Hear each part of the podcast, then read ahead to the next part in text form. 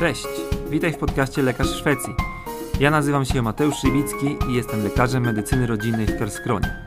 Na łamach tego podcastu oraz na mojej facebookowej grupie przybliżam Ci realia pracy i życia lekarza po drugiej stronie Bałtyku oraz pomagam Ci w emigracji.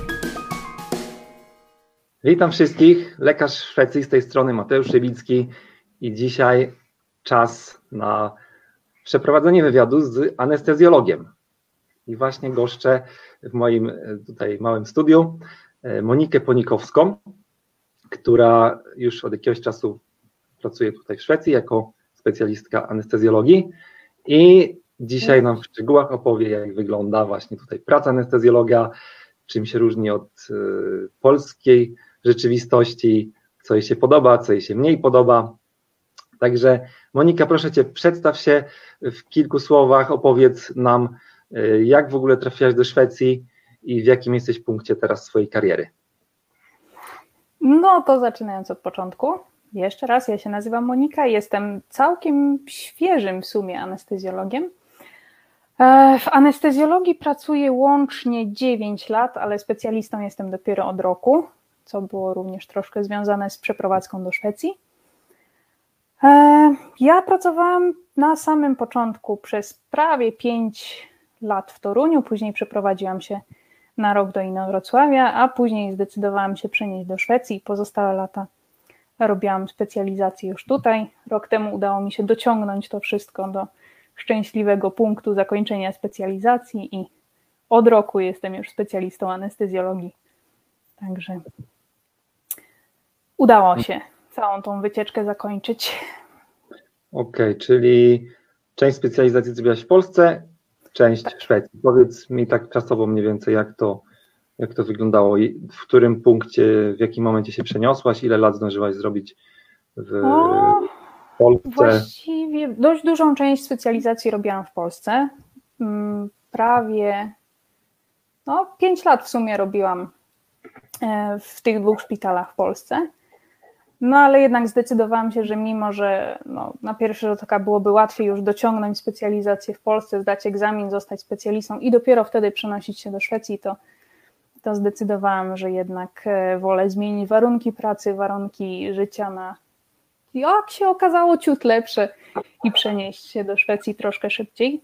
Zresztą wszystkim, którzy mają e, taki dylemat, czy najpierw zrobić specjalizację czy lepiej się przenieść w trakcie specjalizacji. Ja polecam zdecydowanie tą drugą drogę. E, dlatego, że jako rezydent mamy trochę bardziej miękkie lądowanie w nowym systemie. Zdecydowanie. E, jako rezydent mamy możliwość nie wiedzieć wielu rzeczy, dopytać, dostajemy z automatu opiekuna, który nas troszeczkę wprowadzi w ten cały system. Także jeżeli ktokolwiek się zastanawia, czy, czy przenosić się nawet pół roku przed zakończeniem specjalizacji, zdecydowanie warto. Mhm. Okej. Okay. E, dobra, to powiedz e, mi teraz trochę o tym, jak wygląda taki Twój typowy dzień w pracy. Mm, wygląda zdecydowanie inaczej niż w Polsce. E, przede wszystkim wiadomo, i Polska, i Szwecja specjalizacja to jest anestezjologia i intensywna terapia. Także te dni na anestezjologii i na intensywnej terapii troszeczkę się różnią. Na anestezjologii przede wszystkim anestezjolog w Szwecji jest odpowiedzialny za kilka sal. To nie jest tak jak w Polsce, że musimy siedzieć cały czas z jednym pacjentem od samego początku zabiegu do samego końca. Tutaj e, anestezjolog jest zbyt cennym zasobem, żeby sadzać go na sali, żeby patrzył w cyferki przez 2-3 godziny Także jest to zrobione na tej zasadzie, że każdy z lekarzy ma, w zależności od e, trudności pacjentów, zabiegów, no najczęściej nawet do czterech sal. To też wynika z tego, że pielęgniarki w Szwecji mogą i robią dużo, dużo więcej. One same intubują, one pacjentów ASA 1, ASA 2 do prostych procedur, one się zajmują nimi same. Także w ogóle nie ma anestezjologa na tych salach. Czasami bywa przy wprowadzeniu, ale to bardzo, bardzo rzadko. Także na anestezjologii zdecydowanie jest troszeczkę aktywniej niż w Polsce, dlatego że e, ja się muszę jakby zająć wszystkimi tymi pacjentami, wszystkimi tymi salami po trochu, Czyli nie siedzę od początku do końca na jednej sali, tylko jestem troszeczkę na wezwanie, troszeczkę jako taki trochę bardziej zaawansowany konsultant, który pomaga na wszystkich tych salach. Na intensywnej terapii z kolei tam dzień wygląda zupełnie inaczej. Tam wiadomo, że mam swoich pacjentów, których prowadzę. Natomiast e, cała idea pracy na intensywnej terapii polega na konsultacjach. Anestezjolog i w ogóle intensywna terapia w Szwecji to nie jest oddział prowadzący. Czyli pacjenci leżący na intensywnej terapii to dalej są pacjenci danego oddziału, to dalej są pacjenci chirurgów, dalej są pacjenci ortopedów i tak dalej, i tak dalej. Także my jesteśmy oddziałem opiekującym się fizycznie tymi pacjentami, natomiast wszystkie decyzje, wszystkie planowania, wszystkie przenoszenia pacjentów, wszystkie takie rzeczy, są, wszystkie te decyzje są podejmowane tak naprawdę przez lekarzy odpowiedzialnych z oddziału tego, z którego pacjent przychodzi, przy oczywiście naszej dyskusji, współudziale, pomocy itd. Tak natomiast to nie są fizycznie pacjenci intensywnej terapii. Czyli wypożyczacie tych pacjentów jakby tak, tak. na chwilę i yy, podreperowujecie ich i oddajecie tak, z powrotem do Dokładnie tego tak to wygląda. pierwotnego miejsca, z którego zostali wzięci. Tak. No i na intensywnej terapii taki dzień będzie opierał się głównie na konsultacjach wszelkich, czyli zaczynamy od dużego takiego konsylium porannego, na którym omawiamy sobie, jakich pacjentów w tej chwili mamy, jakie interwencje będą tam potrzebne, czy chcemy skonsultować danego pacjenta z kimś jeszcze, czyli na przykład jeżeli jest to pacjent chirurgiczny, który ma jakąś infekcję w brzuchu, to na pewno zakaźnicy będą zaangażowani, radiolodzy będą zaangażowani, także na początku dnia robi się taki duży plan, co byśmy dzisiaj chcieli z danym pacjentem zrobić. Następnie e, takiego pacjenta, mojego pacjenta, którym ja się dzisiaj opiekuję, oglądam sobie tylko ja. Nie chodzi cała biała chmurka od pacjenta do pacjenta i nie ogląda każdy i nie kiwa głową, tylko jestem ja, jest pielęgniarka, jest ta tak zwana e, podpielęgniarka, czyli underhukoteszka, która też tam dużo u nas akurat na intensywnej ma obowiązków. Dyskutujemy sobie w tym małym gronie bardzo szczegółowo, co się z pacjentem dzieje, a później w kolejnych godzinach mamy znowu duże konsylium, znowu wszyscy zaangażowani dyskutują jeszcze raz, czy ten pierwszy plan, który mieliśmy, czy on ma sens, czy trzeba coś zmienić, czy, czy może pojawiło się coś nowego. Także na intensywnej tych konsultacji, tych konsyliów jest mnóstwo, mnóstwo w ciągu dnia. Mhm. Okej, okay. a powiedz właśnie taki standardowy dzień. Zaczynacie o której godzinie, jak wygląda początek dnia, jakie są możliwości, w jakich jakby miejscach możecie y, pracować, bo tam chyba operacje i OJOM, tak? To są dwie takie tak. podstawowe. Tak, to są punkty. takie dwa główne. To jeszcze tak porządkując, czyli taki standardowy dzień na OJOMie, zaczynamy w pół do ósmej, zaczynamy od y, takiego krótkiego wspólnego raportu razem z operacjami, na którym jest bardzo ogólnie jaki mamy dzisiaj plan, czy jest może jakiś super ciężki pacjent, na którego wszyscy musieliby zwrócić uwagę. E, następnie rozbijamy się już na te dwie grupki. Operacje, ten zespół operacyjny idzie do siebie, zespół ojomowy zostaje sobie, dyskutuje tych pacjentów ojomowych. Później jest ten taki bezpośredni obchód, ta wizyta u pacjenta. Jeżeli są zaplanowane jakieś interwencje, to oczywiście one są w tym czasie pomiędzy wykonywane mniej więcej koło godziny, no powiedzmy 12, czyli w okolicach lunchu, czasami przed, czasami po, to zależy troszeczkę ilu mamy pacjentów, jak to wygląda. Jest właśnie to drugie takie duże podsumowanie, duże konsylium. E, w niektóre dni mamy taki kominek z zakaźnikami, w niektóre dni mamy kominek z radiologami. E, zlecamy mnóstwo tych e, badań radiologicznych, także właściwie co drugi dzień mamy spotkanie z radiologami, żeby omówić sobie, co tam ciekawego na tych wszystkich naszych badaniach wyszło. No i mniej więcej w, o godzinie trzeciej mamy przekazanie raportu, czyli znowu cała wielka grupa, wszyscy siedzą, wszyscy dyskutują i wszyscy przekazują swoje uwagi i pomysły na kolejny dzień i na popołudnie. Mhm. Na Czy operacjach jakieś... to. Mhm. Czy jakieś, jakaś przerwa na obiad tam się też znajduje? Oj, jakaś oczywiście, oczywiście. kawę szwedzką? Zdecydowanie. E, u nas nie ma sztywnych godzin.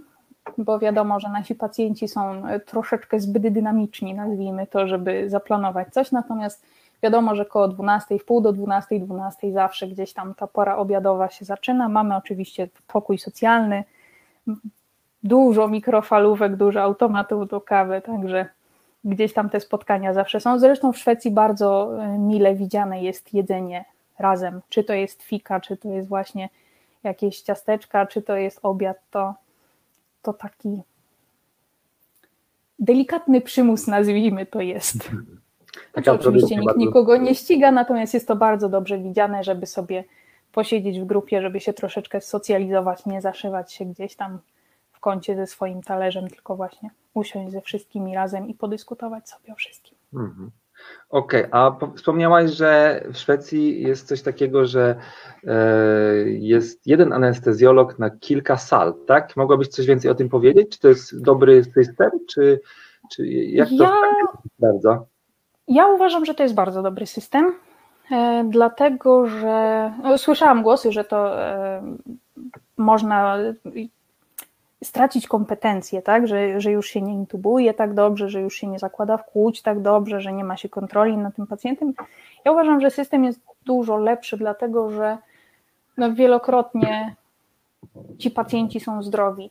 W czasie zabiegu nic się z nimi nie dzieje.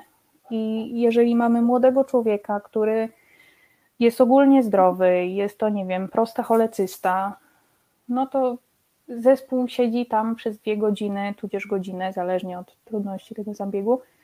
I tak jak to ja zwykłam mówić, gapi się w cyferki, bo nic hmm. się z takim pacjentem nie dzieje. I ja uważam to za stratę czasu tak naprawdę, bo wiadomo, oczywiście, jeżeli cokolwiek się dzieje, to my jesteśmy na salę wzywani. Czy to są jakieś dziwne zaburzenia w EKG, czy to są jakieś wahania ciśnienia, czy to jest cokolwiek, co pielęgniarce, która z pacjentem się dzisiaj nie podoba, to wiadomo, że w tych sytuacjach takich, no, które mogą skutkować jakimś zagrożeniem, czy, czy po prostu odstępstwem od normy, to my jesteśmy wzywani. Natomiast nie ma czegoś takiego, że siedzimy z pacjentami i, i robimy nic. To niesie za sobą taką konsekwencję, że ja bardzo dużo biegam pomiędzy salami, dlatego że, tak jak wspomniałam, może się oczywiście zdarzyć, że ja mam tylko jedną salę, na której jest duża operacja trzustki, która będzie. Pacjent będzie schorowany, zabieg będzie duży, będzie ryzykowny, będzie ryzyko krwawienia, i wtedy wiadomo, że przy takich zabiegach lekarz siedzi na sali cały czas. Natomiast e, jeżeli to są małe zabiegi, jeżeli to są krótkie zabiegi, zdrowi pacjenci, to ja właściwie trochę pomagam, trochę konsultuję, trochę właśnie biegam od sali do sali, tam gdzie, gdzie ta moja wiedza się trochę bardziej przyda. Mhm. Pielęgniarki w Szwecji potrafią dużo, znaczy potrafią to może źle powiedziane, one po prostu robią więcej, bo mogą robić więcej. Nie chcę absolutnie mówić, że polskie pielęgniarki nie potrafią, bo one też potrafią, ale im formalnie nie wolno. No właśnie, Także szwedzkim, no, to, to jest właśnie cały ten system, że, że pielęgniarka w Szwecji może sama zająć się pacjentem ASA 1, ASA 2. Nawet czasami tymi bardziej chorymi, jeżeli dostanie na to zgodę odpowiedzialnego lekarza. Także też jest taka możliwość. Aha, czyli kompetencje pielęgniarki są bardzo szerokie, jakby tej anestezjologicznej tak. w porównaniu jakby do no, właściwie systemu. Wydaje mi się, że pielęgniarki w Szwecji mają mniej więcej te same uprawnienia co rezydenci w Polsce, takie formalnie Aha. na to patrząc. Aha. Nie mogą robić znieczuleń regionalnych. To jest zastrzeżone dla anestezjologów, natomiast wszystkie sedacje, wszystkie takie znieczulenia, te tak zwane narkozy, to, to mogą robić. Aha. Także e, w Szwecji istnieje szansa, że młody, zdrowy pacjent właściwie przychodząc na zabieg nigdy nie spotka anestezjologa. Dlatego, że ja muszę go jakby no, jak to się mówi, obejrzeć przed zabiegiem, ale ja go nie muszę fizycznie spotkać. Ja mogę sobie przeczytać jego dokumentację, ja dostanę jego deklarację, tą Helso Deklaration, czyli to, tą ankietę przedoperacyjną od niego, na której on pisze, czy on jest zdrowy, czy on ma jakieś problemy. Jeżeli jest zdrowy i nie ma problemów, to ja go zaakceptuję do zabiegu bez udziału lekarza. Czyli on właściwie przez cały swój pobyt nie spotka anestezjologa. Będzie prowadzony tylko przez tą pielęgniarkę jakby w czasie tego zabiegu. Ja jeszcze Ci na chwilę przerwę, zapomniałem powiedzieć, że jeżeli ktoś z Was oglądających ma jakieś pytania, coś Was nurtuje, coś czegoś ciekawego dotkniemy, co chcielibyście, żebyśmy pogłębili, to bardzo Was proszę, piszcie y, pytania w komentarzu pod tym, y, pod tym wywiadem, pod tym live'em, to na bieżąco postaramy się odpowiedzieć, bo mamy tutaj przygotowany tak mniej więcej taki y, schemat tego, co chcemy poruszyć, ale mm, Monika z chęcią na pewno odpowie też na jakieś takie Postaram pytania, się. których nie przy, może nawet nie przewidzieliśmy, bo bo przynajmniej z mojej perspektywy to nawet e, ciężko mi było wpaść na jakieś odpowiednie pytania do Moniki, bo ja jestem jakby z całkiem innego świata, e, bo medycyna rodzinna jednak jest no, na całkiem chyba drugim biegunie niż anestezjologia, więc e, o takie podstawowe rzeczy postaram się Monikę dopytać, ale jeżeli coś, coś Was nurtuje szczególnego, to proszę piszcie pytania jak najszybciej, to będziemy wyświetlali i e, Monikę przepytywali w szczegółach. E, dobra. E, było o pielęgniarkach, że mają tak szerokie kompetencje Mhm. właśnie w infekcji, że robią bardzo dużo w czasie zabiegu. Było o tym, że e, ty jako anestezjolog obstawiasz kilka sal naraz. E, Powiedz mi jeszcze, co, co jeszcze ci przychodzi do głowy, co różni się, co cię zaskoczyło w Szwecji, co może się trochę różni od polskiego systemu? Co jeszcze się różni od polskiego systemu? Przede wszystkim e, szwedzka miłość do richtlinii i wytycznych. To jest e, rzecz, która mi na początku bardzo przeszkadzała, dlatego że na początku czułam się w pewien sposób ograniczona. Tutaj wytyczne grają bardzo, bardzo dużą rolę. E, Każdy oddział i chyba każdy szpital, przynajmniej te, w których ja miałam okazję gdzieś tam, czy być na stażu, czy na kursie, ma coś takiego jak swoje własne wewnętrzne wytyczne dotyczące czy to postępowania, czy leczenia, czy stosowania leków. Czyli mówiąc prościej, każdy zabieg u nas ma swoją instrukcję. I w tej instrukcji będzie powiedziane, w jaki sposób ma być przygotowany pacjent, jakie badania mają być pobrane, w zależności od grupy, w której on jest, e, jak ma być zrobione znieczulenie, czyli na przykład e, do zabiegów ginekologicznych, laparoskopowych, oprócz znieczulenia ogólnego, będziemy właściwie do wszystkich robić również e, znieczulenie podpajęcze, dlatego że mamy taką tradycję, taką zasadę. Mhm. E, Także do każdego, do każdego zabiegu jest taka instrukcja i ona jest zarówno dla strony operacyjnej, jak i dla tej anestezjologicznej, czyli pielęgniarki operacyjne też się przygotowują w bardzo konkretny sposób.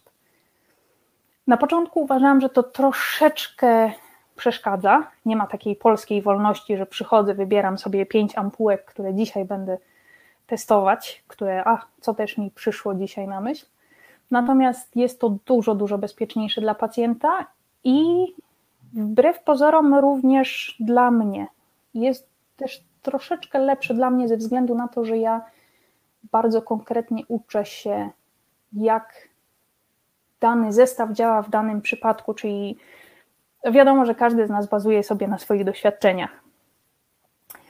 I czasami gdzieś tam nam wpływa, że o, ten lek zadziałał tak, to ja go nie będę używać, bo mam złe wrażenia po nim, albo nie wiem, ktoś miał duże nudności po zabiegu, to na pewno dlatego.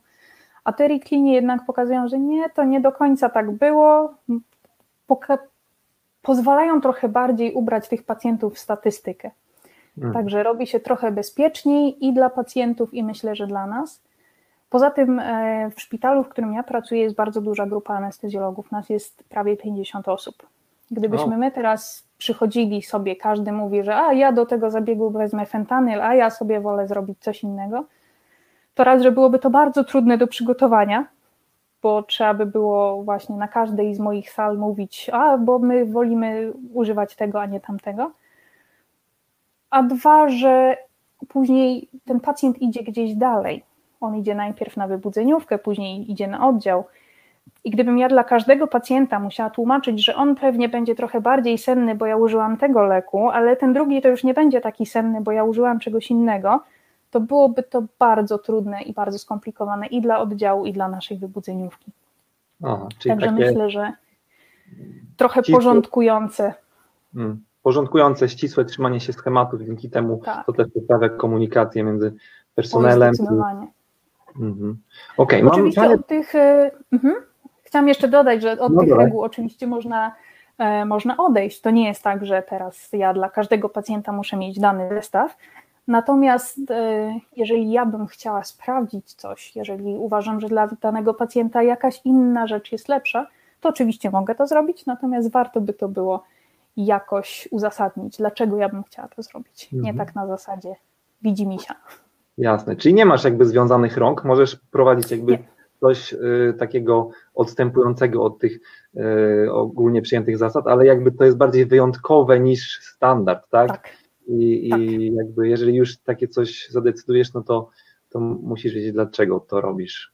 Tak. Y, Chociaż y, też dobrym powodem jest dlatego, że na przykład dawno nie używałam tego leku i muszę sobie na nowo odświeżyć, jak to szło, tak? Czyli jak to.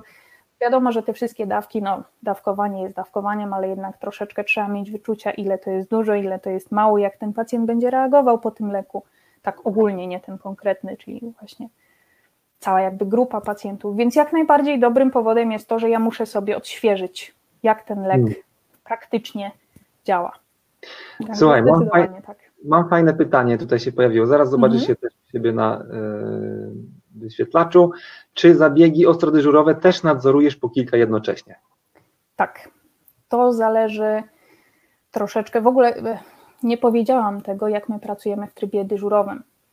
W trybie dyżurowym, akurat w naszym szpitalu, mamy trzy osoby. Dwie osoby, które pracują zawsze w szpitalu i jedna, która jest w domu pod telefonem, ten tak zwany backshore, czyli e, instancja ostateczna, która e, rozwiązuje wszystkie konflikty i wszystkie problemy.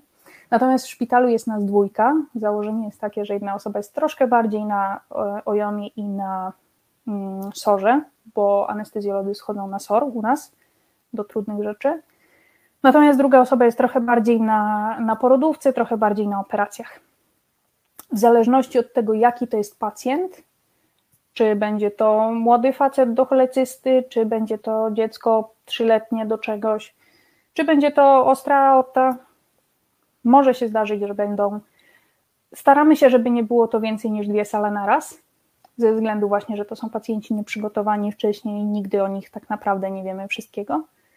Natomiast zdarza się, że, że tych sal idzie kilka. Mhm. Okej, i jeszcze jedno pytanie zadała Ewa. A na Na wybudzenie wybudzeniach trafi anestezjolog czy pielęgniarki? Tam są głównie pielęgniarki. U nas jest troszeczkę kulawy system, bo nas akurat nie ma aż tak dużo, więc ja jestem odpowiedzialna za swoich pacjentów mniej lub bardziej. Staramy się zrobić tak, żeby był jeden e, z lekarzy na wybudzeniówce, ale na razie to wychodzi, tak jak wspomniałam, trochę kulawo. Nie ma anestezjologa, który siedzi na wybudzeniówce. E, Wiadomo, że w karcie jest wpisane, kto był odpowiedzialnym anestezjologiem na, na zabiegu. Jeżeli jest z tym e, pacjentem jakiś problem, czy jest mocno bólowy, czy jest jakiś problem z ciśnieniem, cokolwiek, no to wiadomo, że będą dzwonili do mnie jako osoby odpowiedzialnej za tego pacjenta. Natomiast y, nie ma lekarza, który siedzi na wybudzeniówce murem. Okej. I jeszcze jedno pytanie tutaj y, zaległe takie. Jak długi jest typowy dzień pracy? Nie wspominaliśmy dokładnie, co? Około 8 godzin plus minus. To wszystko bardzo zależy. E, Ze względu na to, że właściwie no, ja nie siedzę na sali i nie muszę siedzieć na tej sali, to bardzo rzadko zdarza się, że kończę dużo później niż powinnam. Czyli Mhm. my pracujemy do 15.30, koło 15 zaczynamy sobie przekazywać pacjentów i ponieważ ja właśnie jestem nadzorem na kilku salach, to idę do dyżurnego i mówię, no to na jedynce jest to, na dwójce jest to, na trójce jest to, tym się nie musisz przejmować, tym się nie musisz przejmować, ale na tego to popatrz. Także ja najczęściej w pół do czwartej kończę. Jeżeli jest się dyżurnym, to najczęściej zaczyna się koło trzeciej do dziewiątej i później przychodzi nocka, właściwie nocka przychodzi na ósmą, pi razy oko i pracuje do następnej ósmej. Mhm. No właśnie, bo anestezjologia jest przecież taką bardzo dyżurową dziedziną. Ja tutaj, Mhm. jeśli chodzi o medycynę rodzinną, to nie mam aż tak wielkiego doświadczenia w dyżurach. Powiedz mi, czy w anestezjologii w Szwecji występują też takie długie dyżury jak w Polsce, że 24 godziny, albo że się jeszcze nie schodzi po dyżurze i ponad 30 Znaczy, godzin? Oj nie, to, to by chyba było, to związki zawodowe by chyba wkroczyły. Z, nie, nie, nie, tak, tak nie bywa. 24-godzinne dyżury mają e, ma backfur, czyli osoba, która siedzi w domu i jest na telefon, mhm. ale to jest dyżur pod telefonem. Oczywiście może się zdarzyć, że on te 24 godziny będzie pracował. Zdarza się bardzo rzadko. E, natomiast my mamy dyżury najdłuższe, wychodzą nam po 13 godzin. Mhm.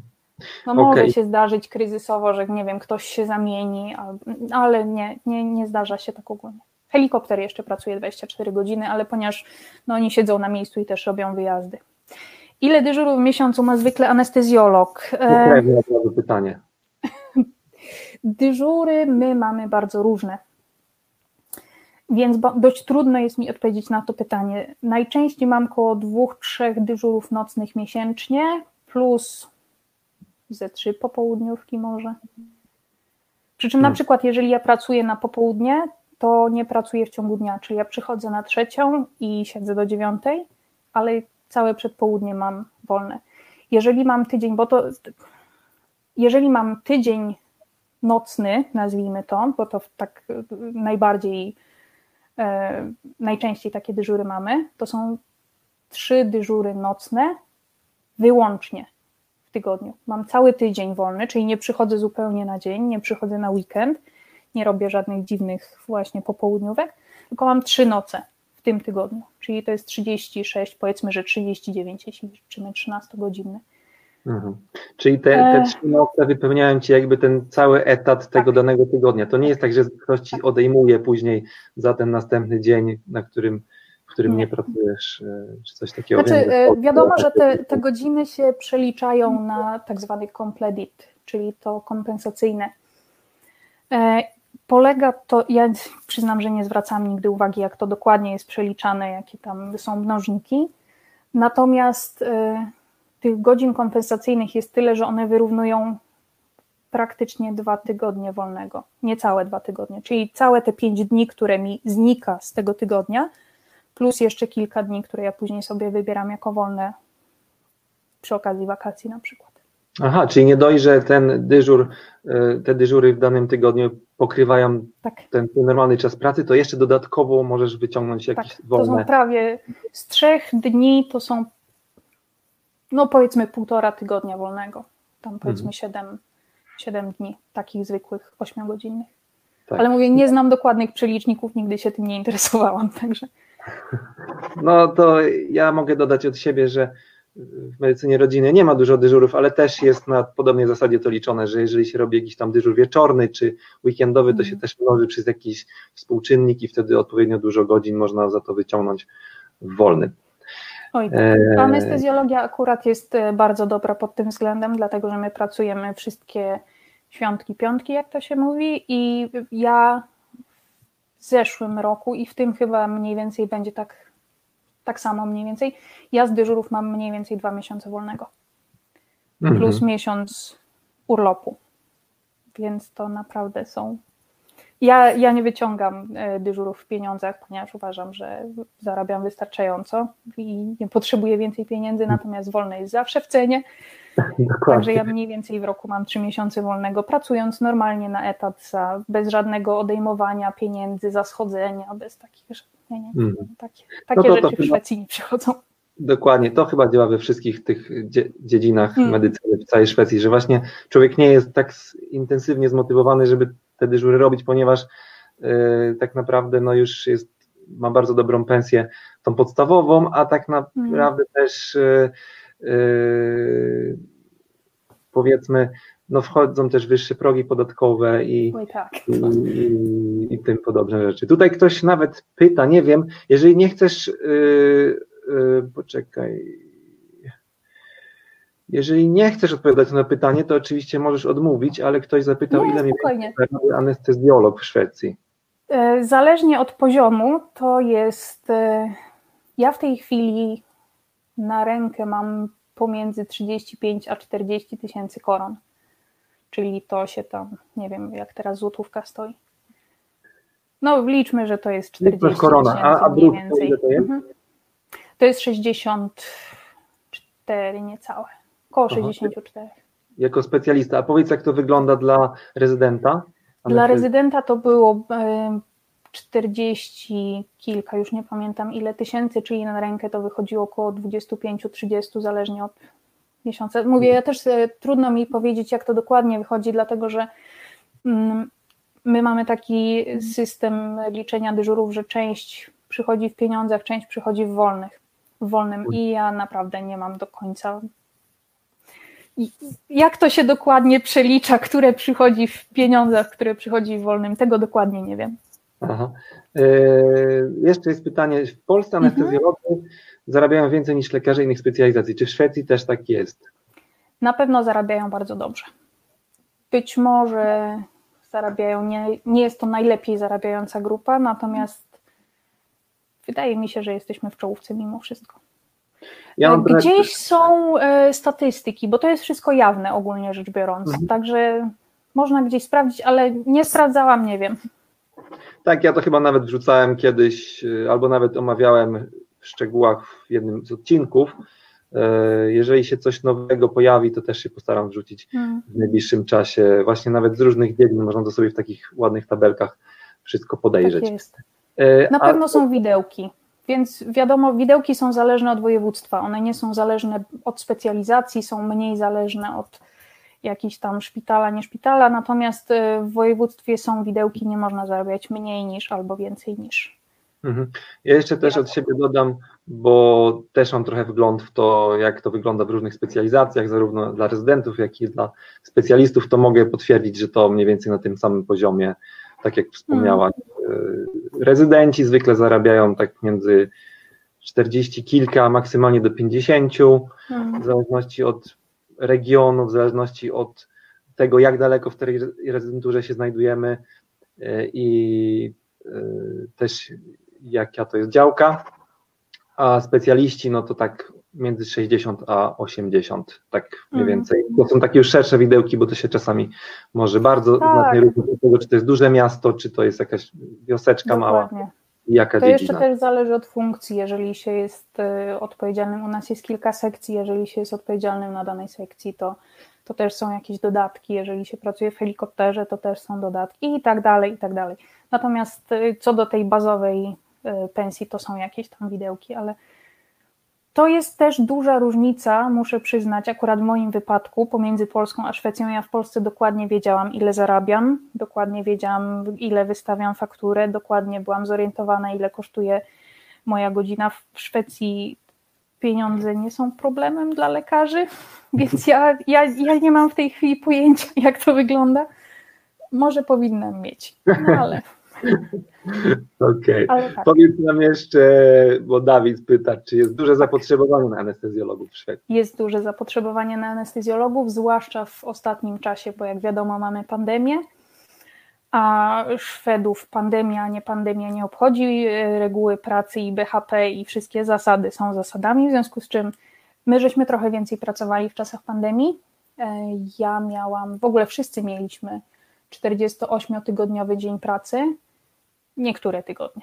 Nie wszystkie, bo to troszeczkę zależało, jak mieliśmy tam, czy było się bardziej na ojomie, czy na, na operacjach.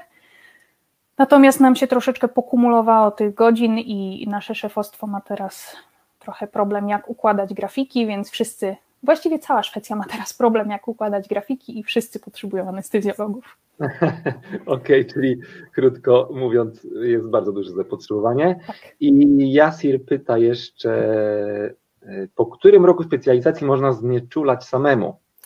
W Szwecji nie znieczula się samemu, znaczy nie ma takiego pojęcia jak znieczulanie samemu, tak samo jak w Polsce, czyli nie ma żadnego przepisu, który mówi, a teraz ty musisz mieć specjalistę albo mieć, nie wiem, kogoś, albo w Szwecji w momencie, kiedy twój opiekun stwierdza, że w sumie to jest czas, żebyś zaczął znieczulać sam, mniej lub bardziej, to znaczy, że jest czas, żebyś zaczął znieczulać sam.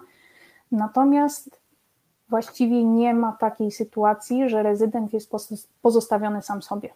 Takich sytuacji absolutnie nie ma.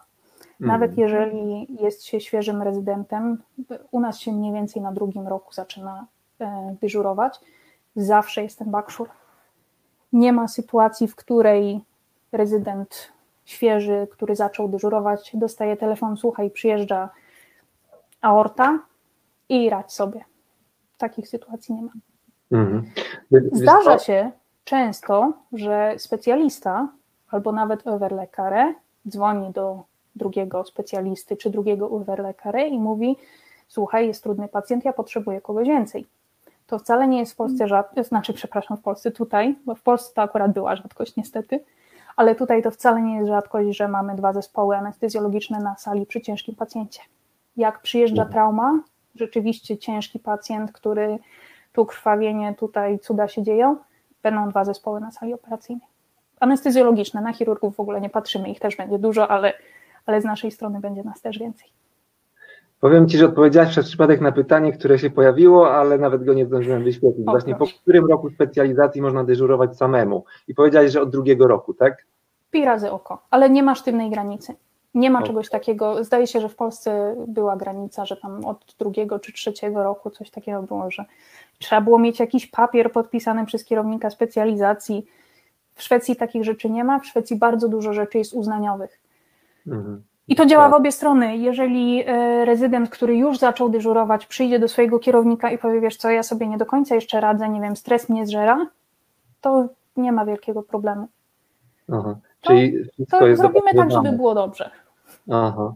Dopasowywane jest jakby do tej konkretnej osoby i do jej umiejętności, a nie ma jakichś sztywnych Tak. rozporządzeń na ten temat. Dokładnie tak. Yy, Dawid, który zapytał o to, czy yy, jest zapotrzebowanie na anestezjologów w Szwecji, jeszcze skomentował fajnie. Yy, Napisał, że dzięki Monia chyba jednak Oj, tak. przymierzę się do pracy w Szwecji w Polsce. Tych 300 godzin już mam dosyć. No to była jedna z przyczyn, dla których ja też miałam serdecznie dosyć. Ja wracałam do domu i właściwie głównie spałam, czasami coś zjadłam, a później wychodziłam na dyżur. I no, długo się tak nie da. Także ja, razu, ja bardzo polecam. od razu Dawid dopytuje jeszcze, czy w Szwecji jest zróżnicowanie między anestezjologią a intensywną terapią? Czy praca na OIT jest monopolem dla anestezjologów? Zróżnicowanie, znaczy to jest jedna specjalizacja i anestezjolodzy pracują na OJOMie, natomiast nie wiem, czy do końca odpowiadam na pytanie. E, Na intensywnej terapii tak pracują anestezjolodzy, natomiast tutaj troszeczkę też zahaczamy znowu o to, że nasi pacjenci to nie są wyłącznie pacjenci OJOMu, więc my mamy chirurgów, którzy są bardzo biegli w e, w intensywnej terapii, dlatego że oni są naszymi konsultantami. W związku z czym można być dobrym chirurgiem, który będzie nam konsultował pacjentów, który będzie jakby wchodził w skład naszego teamu. Natomiast on nie będzie formalnie pracował na intensywnej terapii. Mhm. Więc to, Okej. wiem, że w Polsce były przymiarki dla y, specjalizacji intensywna terapia, którą się tam robiło spod kardiologii, czy spod interny, czy z czegoś tam. Nie wiem, jak to wygląda, przestałam się tym interesować. W Szwecji takich pomysłów nie ma. Mhm. Ogląda nas w tej chwili 50 osób i pytania się posypały w jednym momencie, także yy, no już rozmawiamy 38 minut, będziemy już pewnie za chwilkę kończyć. Jeżeli ktoś jeszcze chce coś dopytać, to piszcie i ja teraz yy, ekspresowo wyświetlę jeszcze takich kilka krótkich pytań. Mhm. Jakbyś mogła tylko krótko powiedzieć, czy specjalizacja y, kończy się egzaminem, czy jest Uznaniowa. uznaniowa? Uznaniowy egzamin, jeżeli ktoś ma dużą wewnętrzną potrzebę, to można zrobić ED. W żaden sposób nie jest wymagana. Aha. I co tu jeszcze widziałem? Aha, taki tutaj zahaczamy już troszeczkę o język i tam jeszcze wcześniej widziałem, że też Mhm. było o to pytanie, y, tak jakby trochę na odwrót, ale jeszcze za chwilę y, może dojdziemy do tego też właściwie, jak ty się w tej Szwecji pojawiłaś i jak trafiłaś do tego miejsca, którym akurat jesteś, ale powiedz nam, czy proces nauczania w Szwecji, y, chociaż może tu nie chodzi o język w sumie, czekaj, proces Ogólnie o specjalizację jest bardzo przyjazny. chętnie uczą rezydentów. Tak, i to ma też, to jest troszeczkę zakotwiczone w systemie, więc jest e, nie do końca zależne od osoby, z którą akurat jesteśmy, dlatego że nawet na operacjach bardzo dużo dyskutuje się o swoich pacjentach. Bardzo dużo. Rezydent zawsze będzie miał za sobą jakiegoś specjalistę, zawsze jest osoba, najczęściej werlekarę, który jest odpowiedzialny za cały blok operacyjny. W związku z czym bardzo, bardzo dużo rzeczy robimy wspólnie, mniej lub bardziej. I oczywiście wiadomo, samodzielność w anestezji jest bardzo ważna. Natomiast y, przez to, że ja też nie jestem uwiązana do swojego pacjenta, to jeżeli przyjdzie do mnie rezydent i powie, wiesz co, ja mam teraz tam taką ciężką pacjentkę i, i, trzeba zrobić to i to i to, i w sumie to by było fajnie, jakbyś stała gdzieś tam z boku, to ja nie mam z tym najmniejszego problemu, bo ja hmm. też nie jestem zajęta w ten sposób. Jest troszeczkę bardziej plastycznie, czyli e, nie ma takiego strasznego pędu, że musimy zacząć zabieg teraz. To też jest rzecz, która strasznie mi się podoba w Szwecji.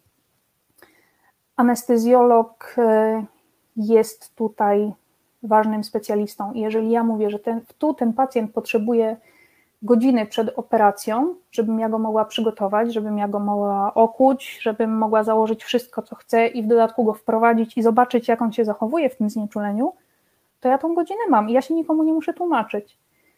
Jeżeli ja mam e, rezydenta, który się właśnie uczy po raz pierwszy czy drugi epidurali, czyli zewnątrzoponówek, to żaden chirurg nie będzie mi stał za plecami i mówił, no szybciej, szybciej.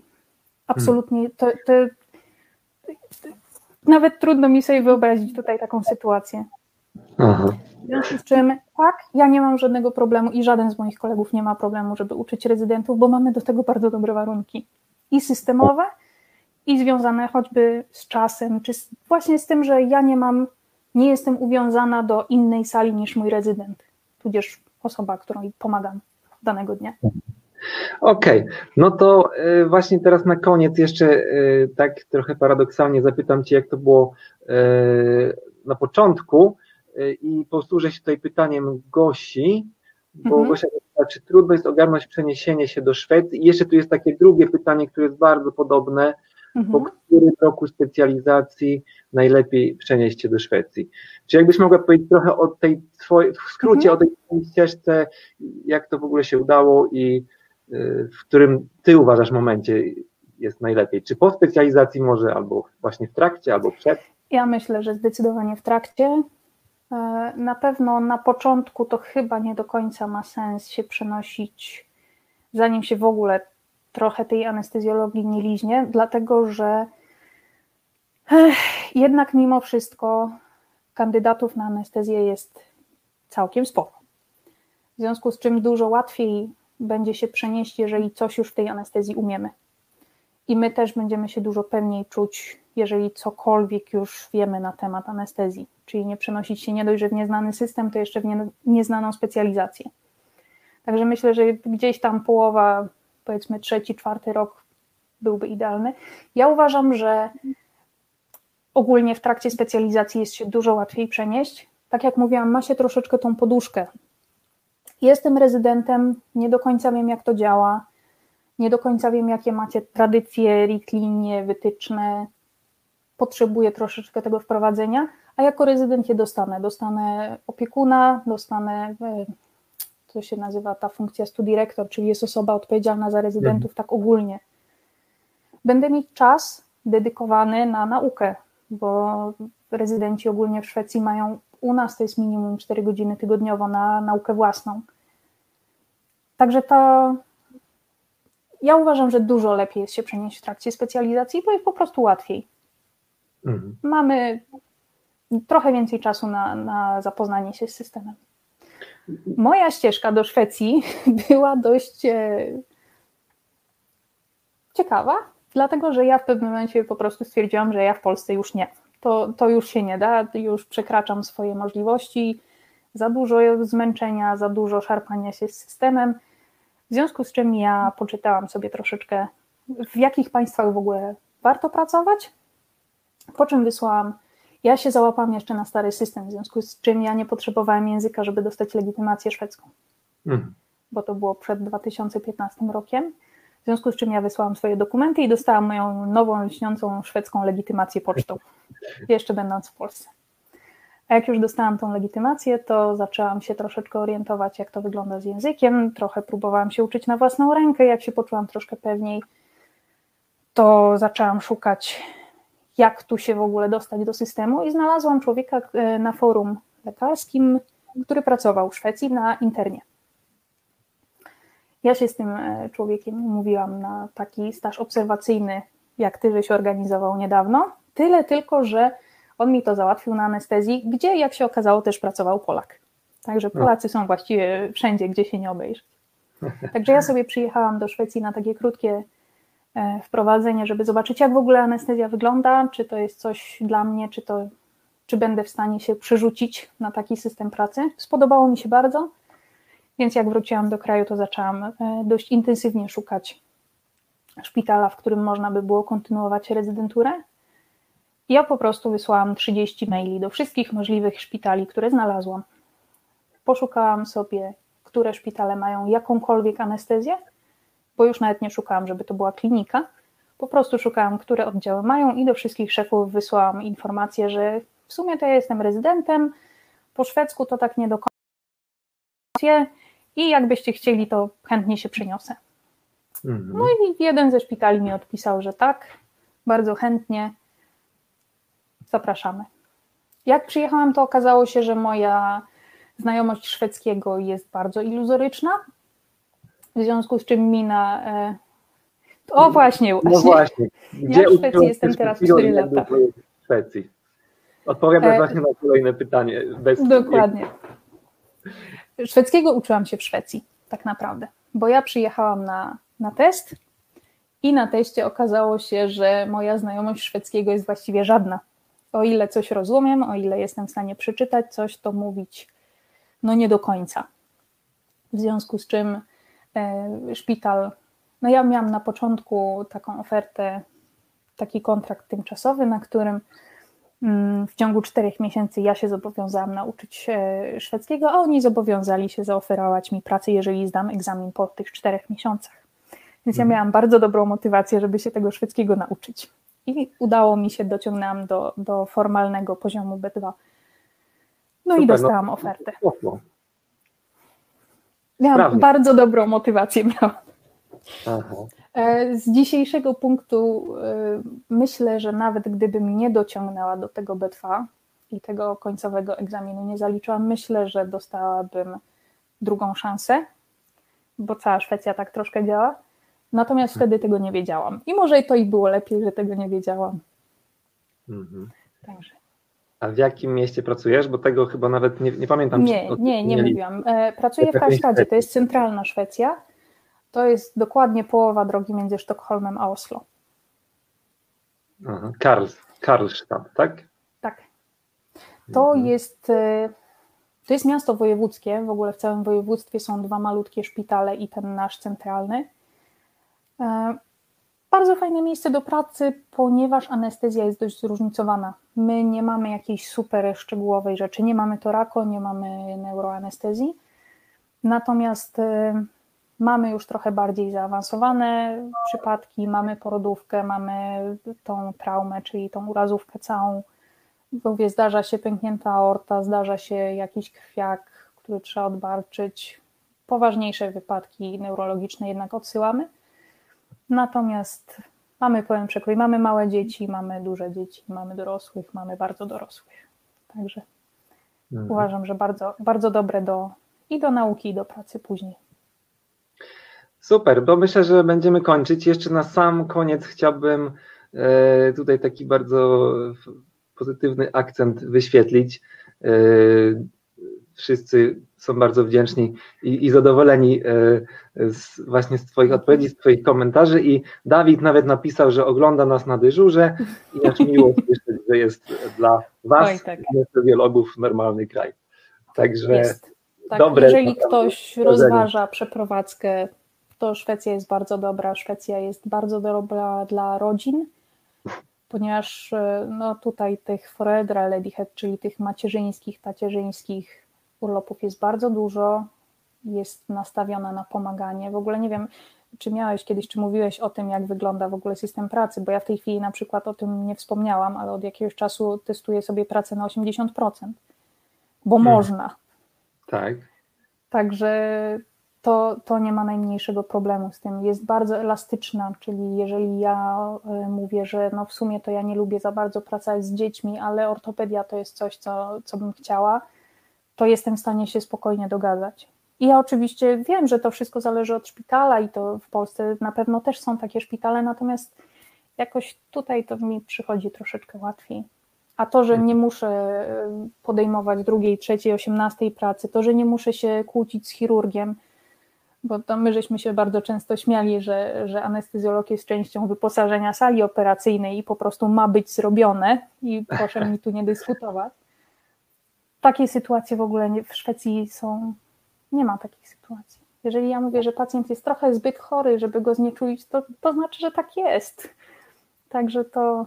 Hmm. Do, dokładnie nie, nie wspominałem chyba o tym, że można na niższy procent etatu pracować, ale jak najbardziej potwierdźmy, że można. Natomiast no. zrobiłem osobny odcinek nazwany odcinkiem o wolności, gdzie dokładnie opisywałem wszystkie typy wolnego, hmm. Urlopów, jak to można sobie wybierać, jak kumulować i tak dalej. Więc zachęcam do również obejrzenia tego odcinka na e, podcaście. I co? No. Y Dziękuję Ci serdecznie, Monika, za cały ten Twój wkład, za to, że się podzieliłaś tą Twoją y, codziennością, tą Twoją rzeczywistością i doświadczeniami właśnie z anestezjologii. Tak jak widać, zachęcam do e, właśnie brania udziału w takich stażach obserwacyjnych, bo tutaj Monika jest też świetnym przykładem tego, że no tak. posmakowanie trochę tego systemu i, i zobaczenie sobie od środka, jak to funkcjonuje, to no, jeszcze bardziej otwiera oczy niż tylko słuchanie o tym. E, i na pewno bardzo motywuje. E, także tutaj e, miło mi, że wspomniałaś właśnie o tym stażu obserwacyjnym, który organizowałem tydzień temu, już prawie dwa tygodnie temu. I zachęcam dalej do śledzenia kolejnych odcinków, kolejnych wywiadów. Monice, bardzo serdecznie dziękujemy. Ja też dziękuję. Gdyby były jeszcze jakieś pytania, postaram się odpowiedzieć ewentualnie na Facebooku czy na wiadomości no właśnie, prywatne. Także... Może zróbmy tak, że jeżeli ktoś jeszcze będzie miał jakieś pytania, żeby Ciebie nie zalać na, na prywatnym, to wpiszcie, piszcie może te pytania nadal w komentarzu pod tym wywiadem. To też jeżeli będzie możemy, wygodne, tak. Dokładnie. Jeżeli możemy Ciebie Monikę w takim razie poprosić, żebyś jeszcze Pewnie. pisemnie odpowiedziała, jeżeli coś tam się pojawi. Ja nie ma problemu. Poruszyłem chyba prawie wszystkie, może tam jakieś pojedyncze y, przepuściłem, ale jeżeli coś dalej się jeszcze Wam natknie, to bardzo proszę piszcie y, dalej Pewnie. w komentarzu. W takim razie dziękujemy serdecznie. Wszystkiego Dzięki dobrego. Wielkie. Monika.